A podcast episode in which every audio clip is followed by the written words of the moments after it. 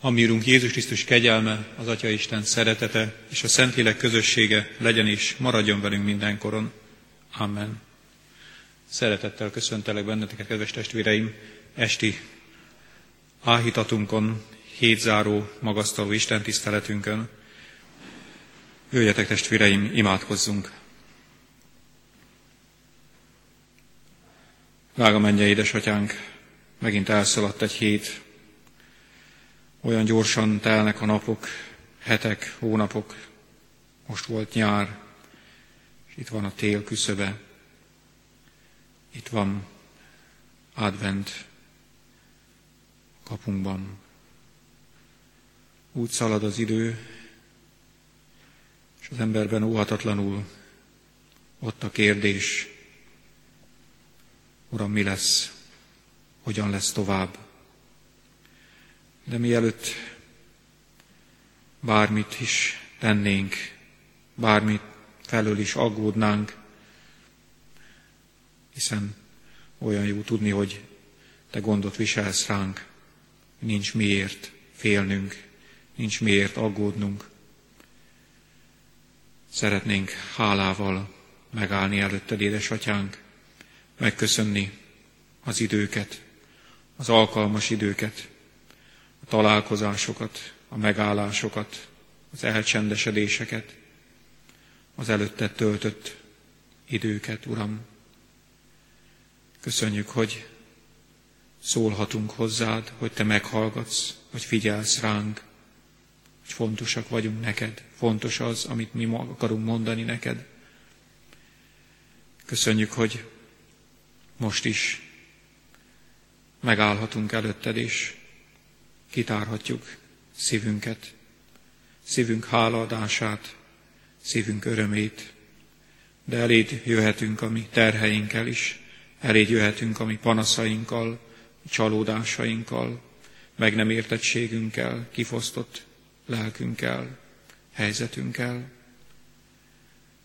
mert hisszük, hogy igaz, amit mondtál, fiadban, Jézus Krisztusban bátorítva bennünket, hogy mit aggódtok, ti kicsinyítőek. Egy szál virág már szebben néz ki, mint Salamon teljes díszében, pompájában, mégis elharvad, és tűzre vettetik. Nem többet értek ti ennél. Köszönjük, hogy még hajunk szála is számon van tartva, Uram, és pont ezért merjük elé tárni a mi vágyainkat, álmainkat, kéréseinket, panaszainkat. Könyörülj rajtunk, és hallgass meg bennünket, fiadért, Jézus Krisztusért a Szent Lélekben. Amen. Isten igéjét, mely lelke segítségül hívásával az ő üzenetét, evangéliumát, örömhírét kívánom olvasni, Sámuel próféta második könyvében található a 22. fejezetben, az ige szakasz hosszúságára való tekintettel foglaljuk el helyünket, és így hallgassuk meg Isten igéjét. Dávid éneke. Dávid ennek az éneknek a szavait mondta el az Úrnak, amikor az Úr kimentette őt minden ellenségének és Saulnak a kezéből így szól. Az Úr az én kősziklám, váram és megmentőm. Istenem, kőszálam, nála keresek oltalmat. Pajzsom, hatalmas szabadítom, és felleg váram. Menedékem is szabadítom. Megszabadítasz az erőszaktól. Az Úrhoz kiáltok, aki dicséretre méltó, és megszabadulok ellenségeimtől, mert körülvettek a halál örvényei, pusztító áradat rettent engem, a sír kötelei fonódtak körém, a halál csapdái meredtek rám. Nyomorúságomban az Úrhoz kiáltottam, kiáltottam az én Istenemhez, meghallotta hangomat templomában, kiáltásom fülébe jutott. Megrendült és megrengett a föld, az egek alapjai megremegtek, megrendültek, mert haragra gyúlt. Füst jött ki orrából, szájából emésztő tűz, parázs izzott benne. Lehajította az eget és leszállt, homály volt a lába alatt. Kerubon ülve repült, szelek szárnyán jelent meg, sötétségből vont sátrat magának, víztömegből, gomolygó fellegekből, fényözön járt előtte, parázsló tűz izzik, dörög az Úr az égben, menj dörög a felséges. Kilőtte nyilait és szétszórta, kiröppentette villámait, láthatóvá vált a tengernek medre, föltárultak a világ alapjai, az Úr dorgálásától, haragos szele fúvásától. Lenyúlt a magasból és fölvett, a nagy vizekből kiemelt engem. Megmentett engem erős ellenségemtől, gyűlölőimtől, bár erősek volt, erősebbek voltak nálam.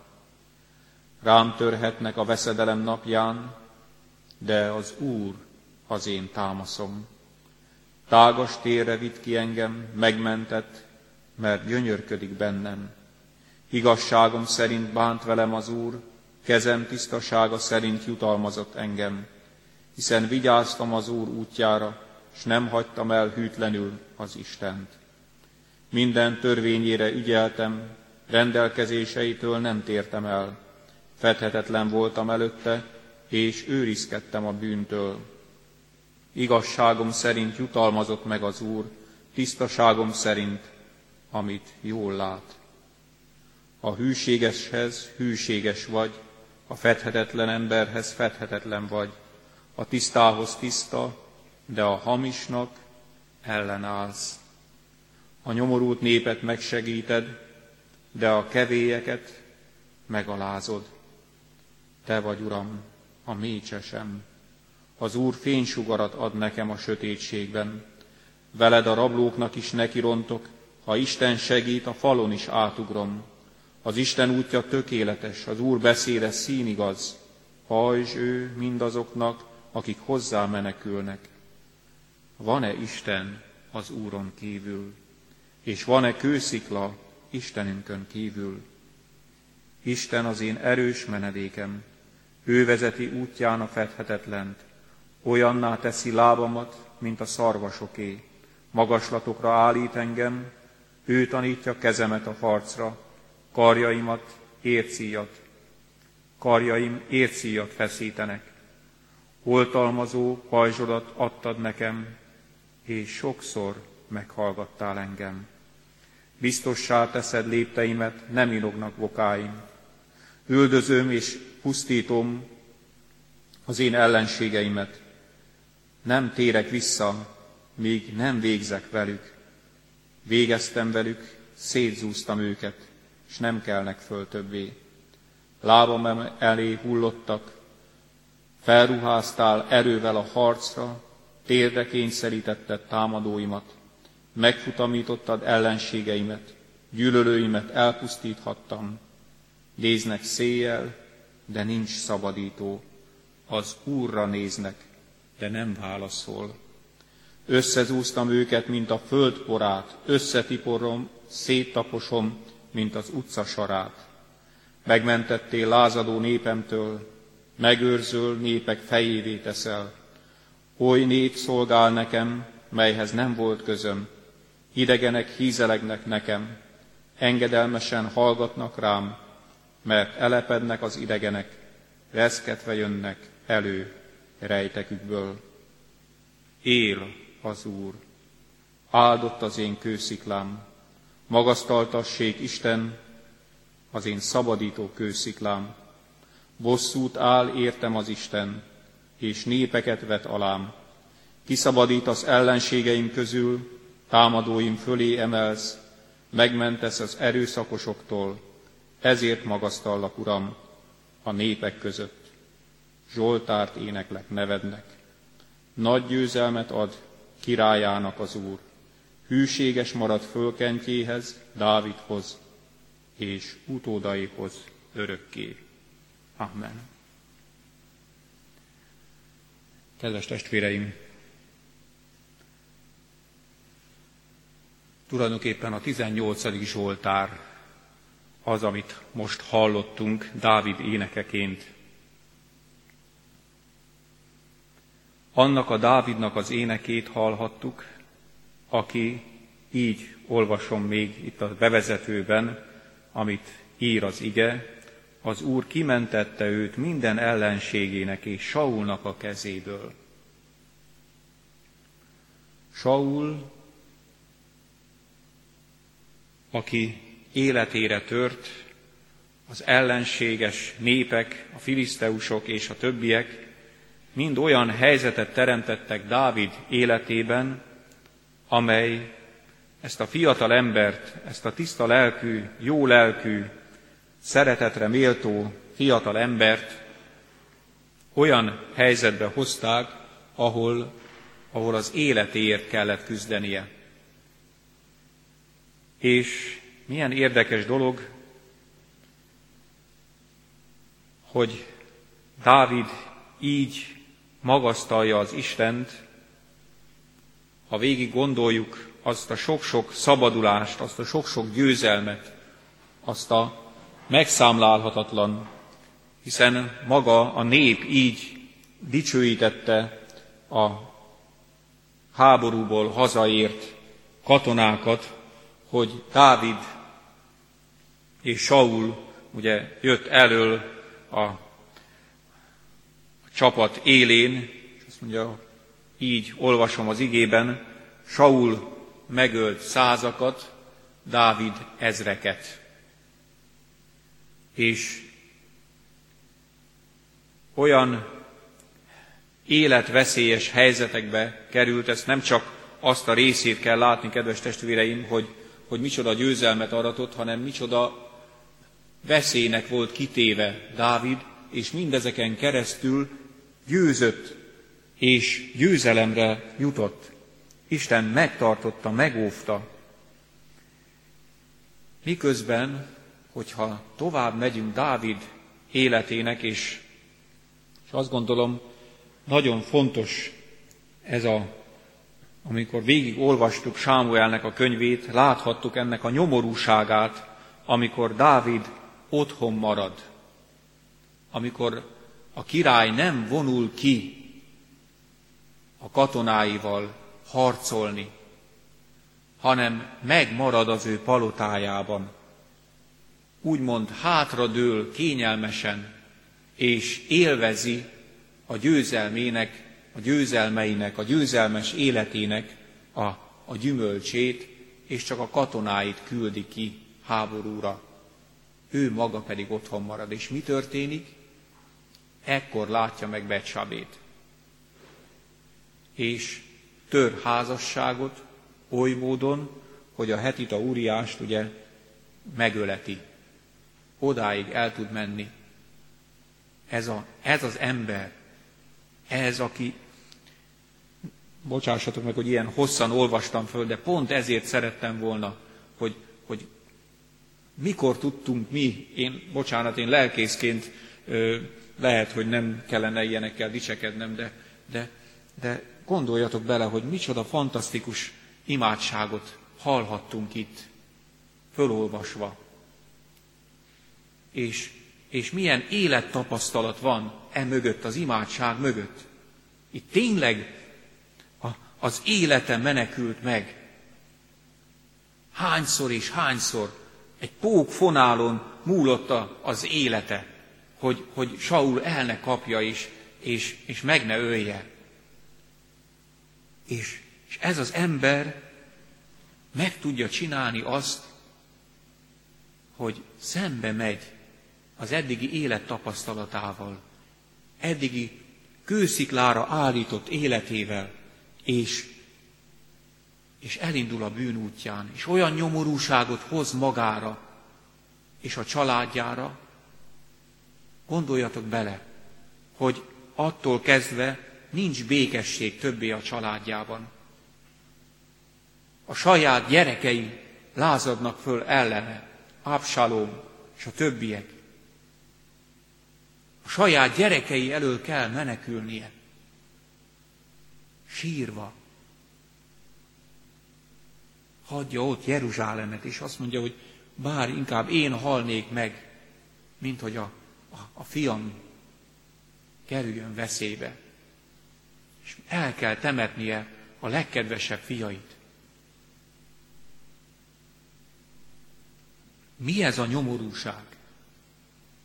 Mi ez a, a nagyon-nagyon nem egyszerű helyzet? Azt gondolom, kedves testvéreim, az, amit, amivel lépten nyomon találkozom, akár az idősek otthonában, akár a világban, akkor kiderül, hogy én lelkipásztor vagyok, és látogatva, beszélgetve töltöm ott az emberekkel az időt, gyakran mondják, hogy én hiszek Istenben. Igen, nagyon-nagyon sokan vannak, akik hisznek Istenben. Most ez nem, nem kérdés ezt megvallani, nem probléma ezt megvallani. De kedves testvérem, úgy is élsz, hogy a te Istened elé készülsz. Mert kevesen értik meg ezt, hogy igazából két út van az ember életében.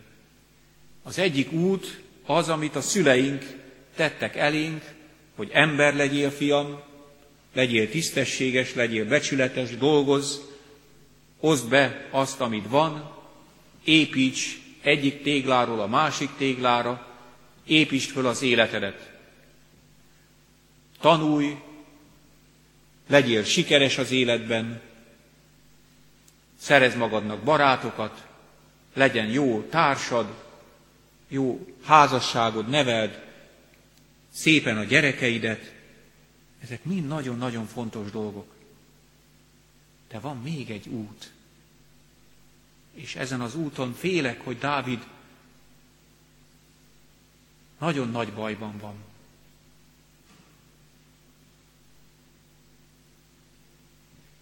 Az Isten elé és oda kell menni. Neked is, nekem is. És az Isten hiszem, hogy azért, azért engedi azt a nyomorúságot, azokat a nehézségeket az életünkbe, mert ezek segítenek abban, hogy az a tapasztalat, az a nagyon-nagyon fontos és elengedhetetlen tapasztalat, hogy az Isten kegyelmes, az Isten irgalmas, az Isten nem a tetteink szerint bánik velünk. Ez nem arra kell sarkaljon bennünket, hogy hátradőjünk és várjuk a sült galambot, hanem arra indít bennünket, hogy erre a szeretetre válaszoljunk, erre a kegyelmes isteni gondviselő szeretetre mi magunk is induljunk el a másik ember felé, és legyünk mi magunk is kegyelmesek, legyünk megbocsátók, legyünk irgalmasok, ahogy a mi Urunktól tanultuk. Ezért érdekes és, és milyen elgondolkoztató, hogy hogyan van jelen az én életembe a nehézség. Dávid életének első szakaszában azt látjuk, azt láthatjuk, hogy ezek a nehézségek, akár még az életveszélyek is, abban segítették, hogy ő fegyelmezetten, célra törően éljen, Isten akaratát keresve.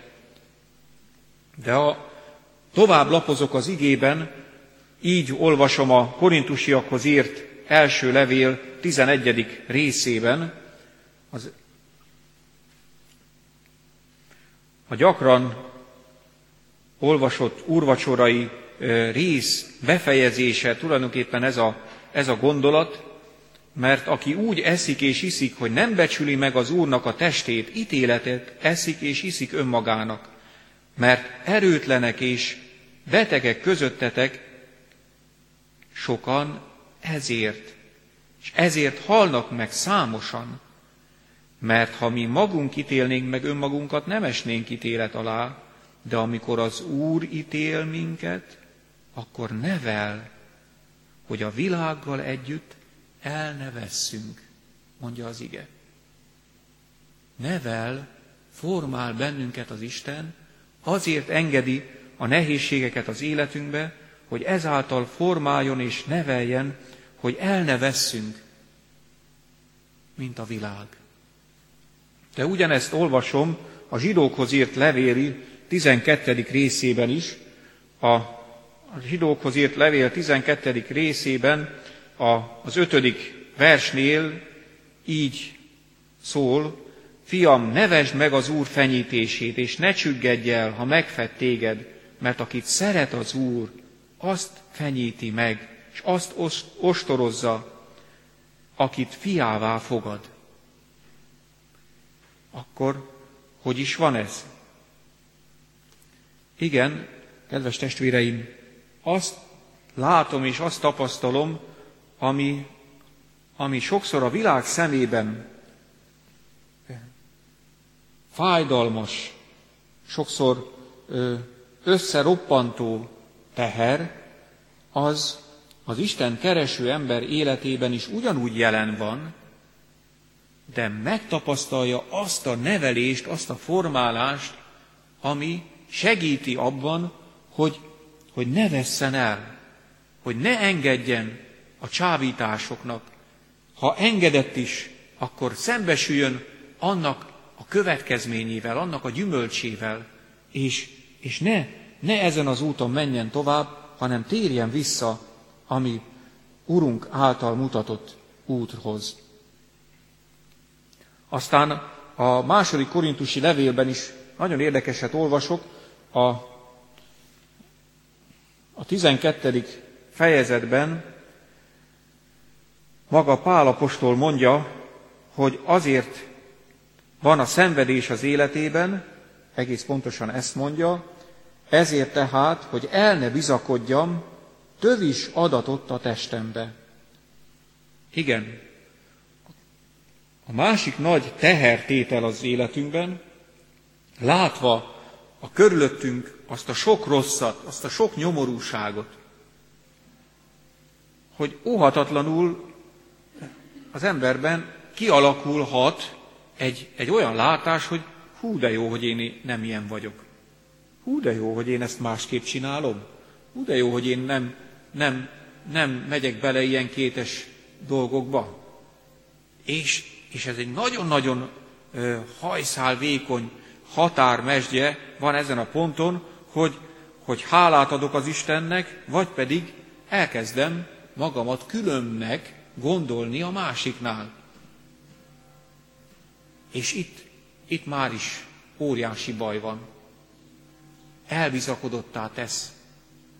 Az a, az a sok győzelem, az a sok küzdelemben megél tapasztalat, hogy az Isten engem megtart, az engem megőriz, és, és megvéd attól, hogy, hogy butaságot csináljak, ez olyan, olyan könnyen elbizakodottá tehet bennünket, Pál apostol nem véletlenül írja, tövis adatot a testembe, hogy el ne bízzam magam.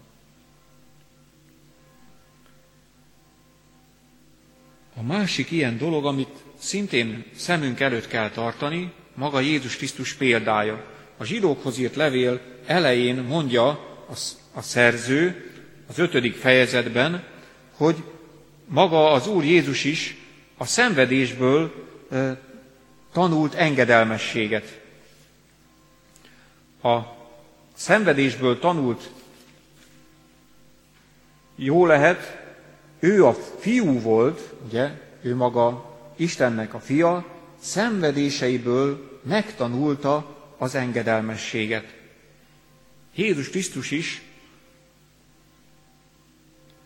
a nehézségek, a terhek alatt mutatta meg azt, hogy, hogy mi is lakozik, milyen lelkület van az Atya iránt benne. És azt gondolom, hogy hogyan magasztalhatja az ember leginkább az Istent. Nyilván szóban, ahogy, ahogy a madarak csics, csicseregnek, ugyanúgy tehetjük mi is, énekszóval dicsérhetjük az Istent, magasztalhatjuk őt. Csodálatos dolog ez. De micsoda magasztalás az, amikor terhek alatt roskadozunk, amikor, amikor nem úgy mennek a dolgok, ahogy mi szeretnénk. De mégis azt mondjuk az Istenünknek, Urunknak, hogy Uram, ez nem jó. Én ezt ezen hordozom. Nekem ez fáj. De akkor is magasztalom a Te nevedet. Akkor is szent vagy. Nem tudom, miért engeded meg ezt az én életemben. Nem tudom, miért van. Miért történik ez. De akkor is szent vagy, Uram.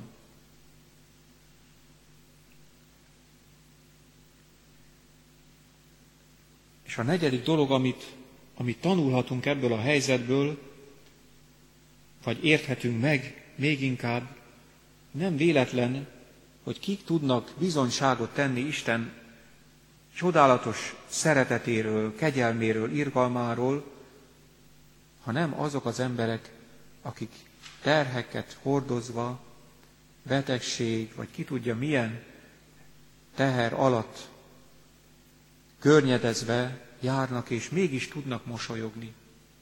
Mégis tudnak kedvesek lenni.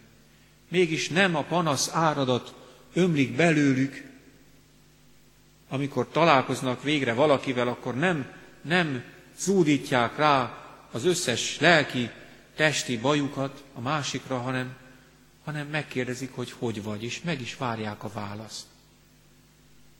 Mert valóban kíváncsiak a másikra. Mert Krisztusról való bizonyságtétel előmozdítója éppen ezek a, ezek a nehézségek hordozása az életünkben. Hogyan hordozzuk ezt? Az apostolok cselekedeteiben, amikor Pál apostol megtér, mondja ezt Ananiásnak, profétának az Isten lelke, hogy Pálapostolt majd így, így teszi alkalmassá az átélt szenvedések, az átélt küzdelmek. Így olvasom az igében, 17. versben, Ananiás, én pedig meg fogom mutatni neki, mennyit kell szenvednie az én nevemért. És így ment el Ananiás, és tette rá a kezét Saulra. Ezekkel a szavakat adta át üzenetként. Kedves testvéreim, Dávid tudta magasztalni az Istent. Tudta, mert megtapasztalta az ő szabadítását. És most véget ér Sámuel második könyve véget ér, közeledik Dávid utolsó szavai, olvashattuk ezekben a napokban, nem véletlenül teszi ide a Szent Író ezt az éneket, mert, mert Dávid élete csak akkor lehet teljes, a mi életünk is csak akkor lehet teljes, hogyha valóban mindazt, ami történt az életünkben, legyen az jó, vagy legyen az rossz, legyen az fájdalmas, vagy örömteli, azt mindet az Úr kezéből vettük el, és, és kerestük meg, hogy Uram, Te ezt miért adtad az én életembe? Mire akarsz vezetni, fegyelmezni?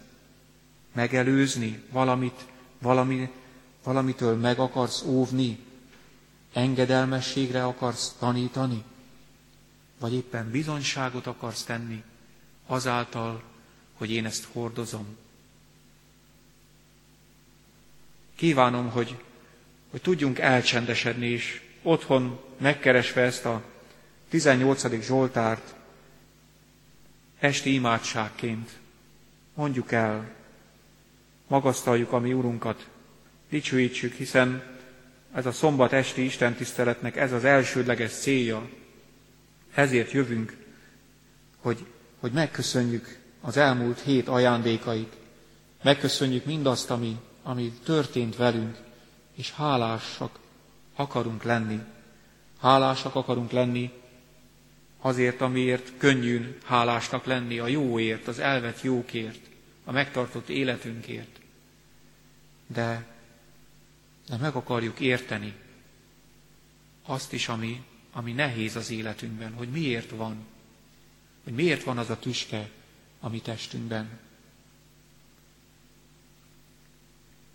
Hogy valóban be tudjuk tölteni azt a célt, amire az Isten hívott el bennünket, az ő lelke, az ő igéje által. Így álljunk meg, csendesedjünk el egy kicsit, és imádkozzunk. Köszönjük, Urunk, a Te tanításodat, köszönjük, hogy Te fogod a mi kezünket is, és adsz látást a mi életünkre. Köszönöm, Uram, hogy valóban mondhatjuk Dáviddal, hogy kősziklánk vagy, kőszálunk, amire biztosan állhatunk ebben a bolond világban, ahol ma ez az érték, holnap egészen más.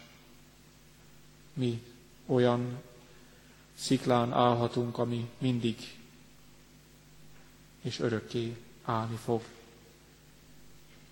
Urunk, könyörülj rajtunk, és erősítsd meg a mi lábunkat, a mi állásunkat, mert szörnyen zúg a világ, és nem kis viharokat életünk meg ebben a világban, anyagiaktól kezdve lelki válság, egészség, problémák, ki tudja mi minden terhe nehezedik ránk, édesatyánk, te ismersz, te látsz bennünket, könyörülj a te népeden is, a te gyógyító, irgalmas szereteteddel vonj körül, erősíts bennünket, tudjuk hordozni a mi keresztünket, lehessen a mi követésünk ne csak névleges, hanem valóban Krisztusiak legyünk ebben a világban.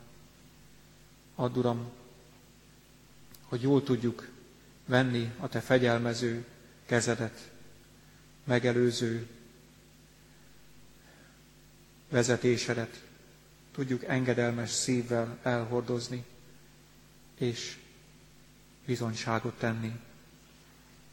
Segíts így azt a gyülekezetet, segíts bennünket, ott, ahol vagyunk, ahova Te állítottál bennünket. Könyörgök a betegekért, a szenvedőkért, a bajba jutottakért, a széthullott családokért. Könyörgök a hajléktalanokért, a kitaszítottakért.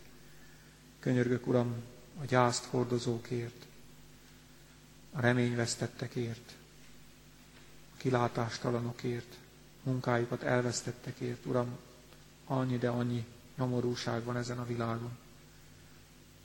És hiszem, hogy Te azért nyitod a mi szívünket, hogy mi is meginduljunk mások nyomorúságán is, amink van, amire mi képesek vagyunk a tőled kapott ajándékok erő által. Hajoljunk le, lehessünk mi a te kezed és a te lábad. Tégy alkalmassá erre, édesatyánk fiadért, Jézus Krisztusért, a Szentlélekben kiáltunk hozzád. Ő tanított így imádkozni. Mi, atyánk, aki a mennyekben vagy, szenteltessék meg a te neved, jöjjön el a te országod, legyen meg a te akaratod, amint a mennyben, úgy a földön is. Minden napi kenyerünket add meg nekünk ma, és bocsáss meg védkeinket, miképpen mi is megbocsátunk az ellenünk védkezőnek, és ne vigy minket kísértésbe, de szabadíts meg a gonosztól, mert Tiéd az ország, a hatalom és a dicsőség mindörökké. Amen. És Isten békessége, mely minden értelmet fölülhalad, megőrzi szíveteket és gondolataitokat a Krisztus Jézusban, ami Urunkban. Amen.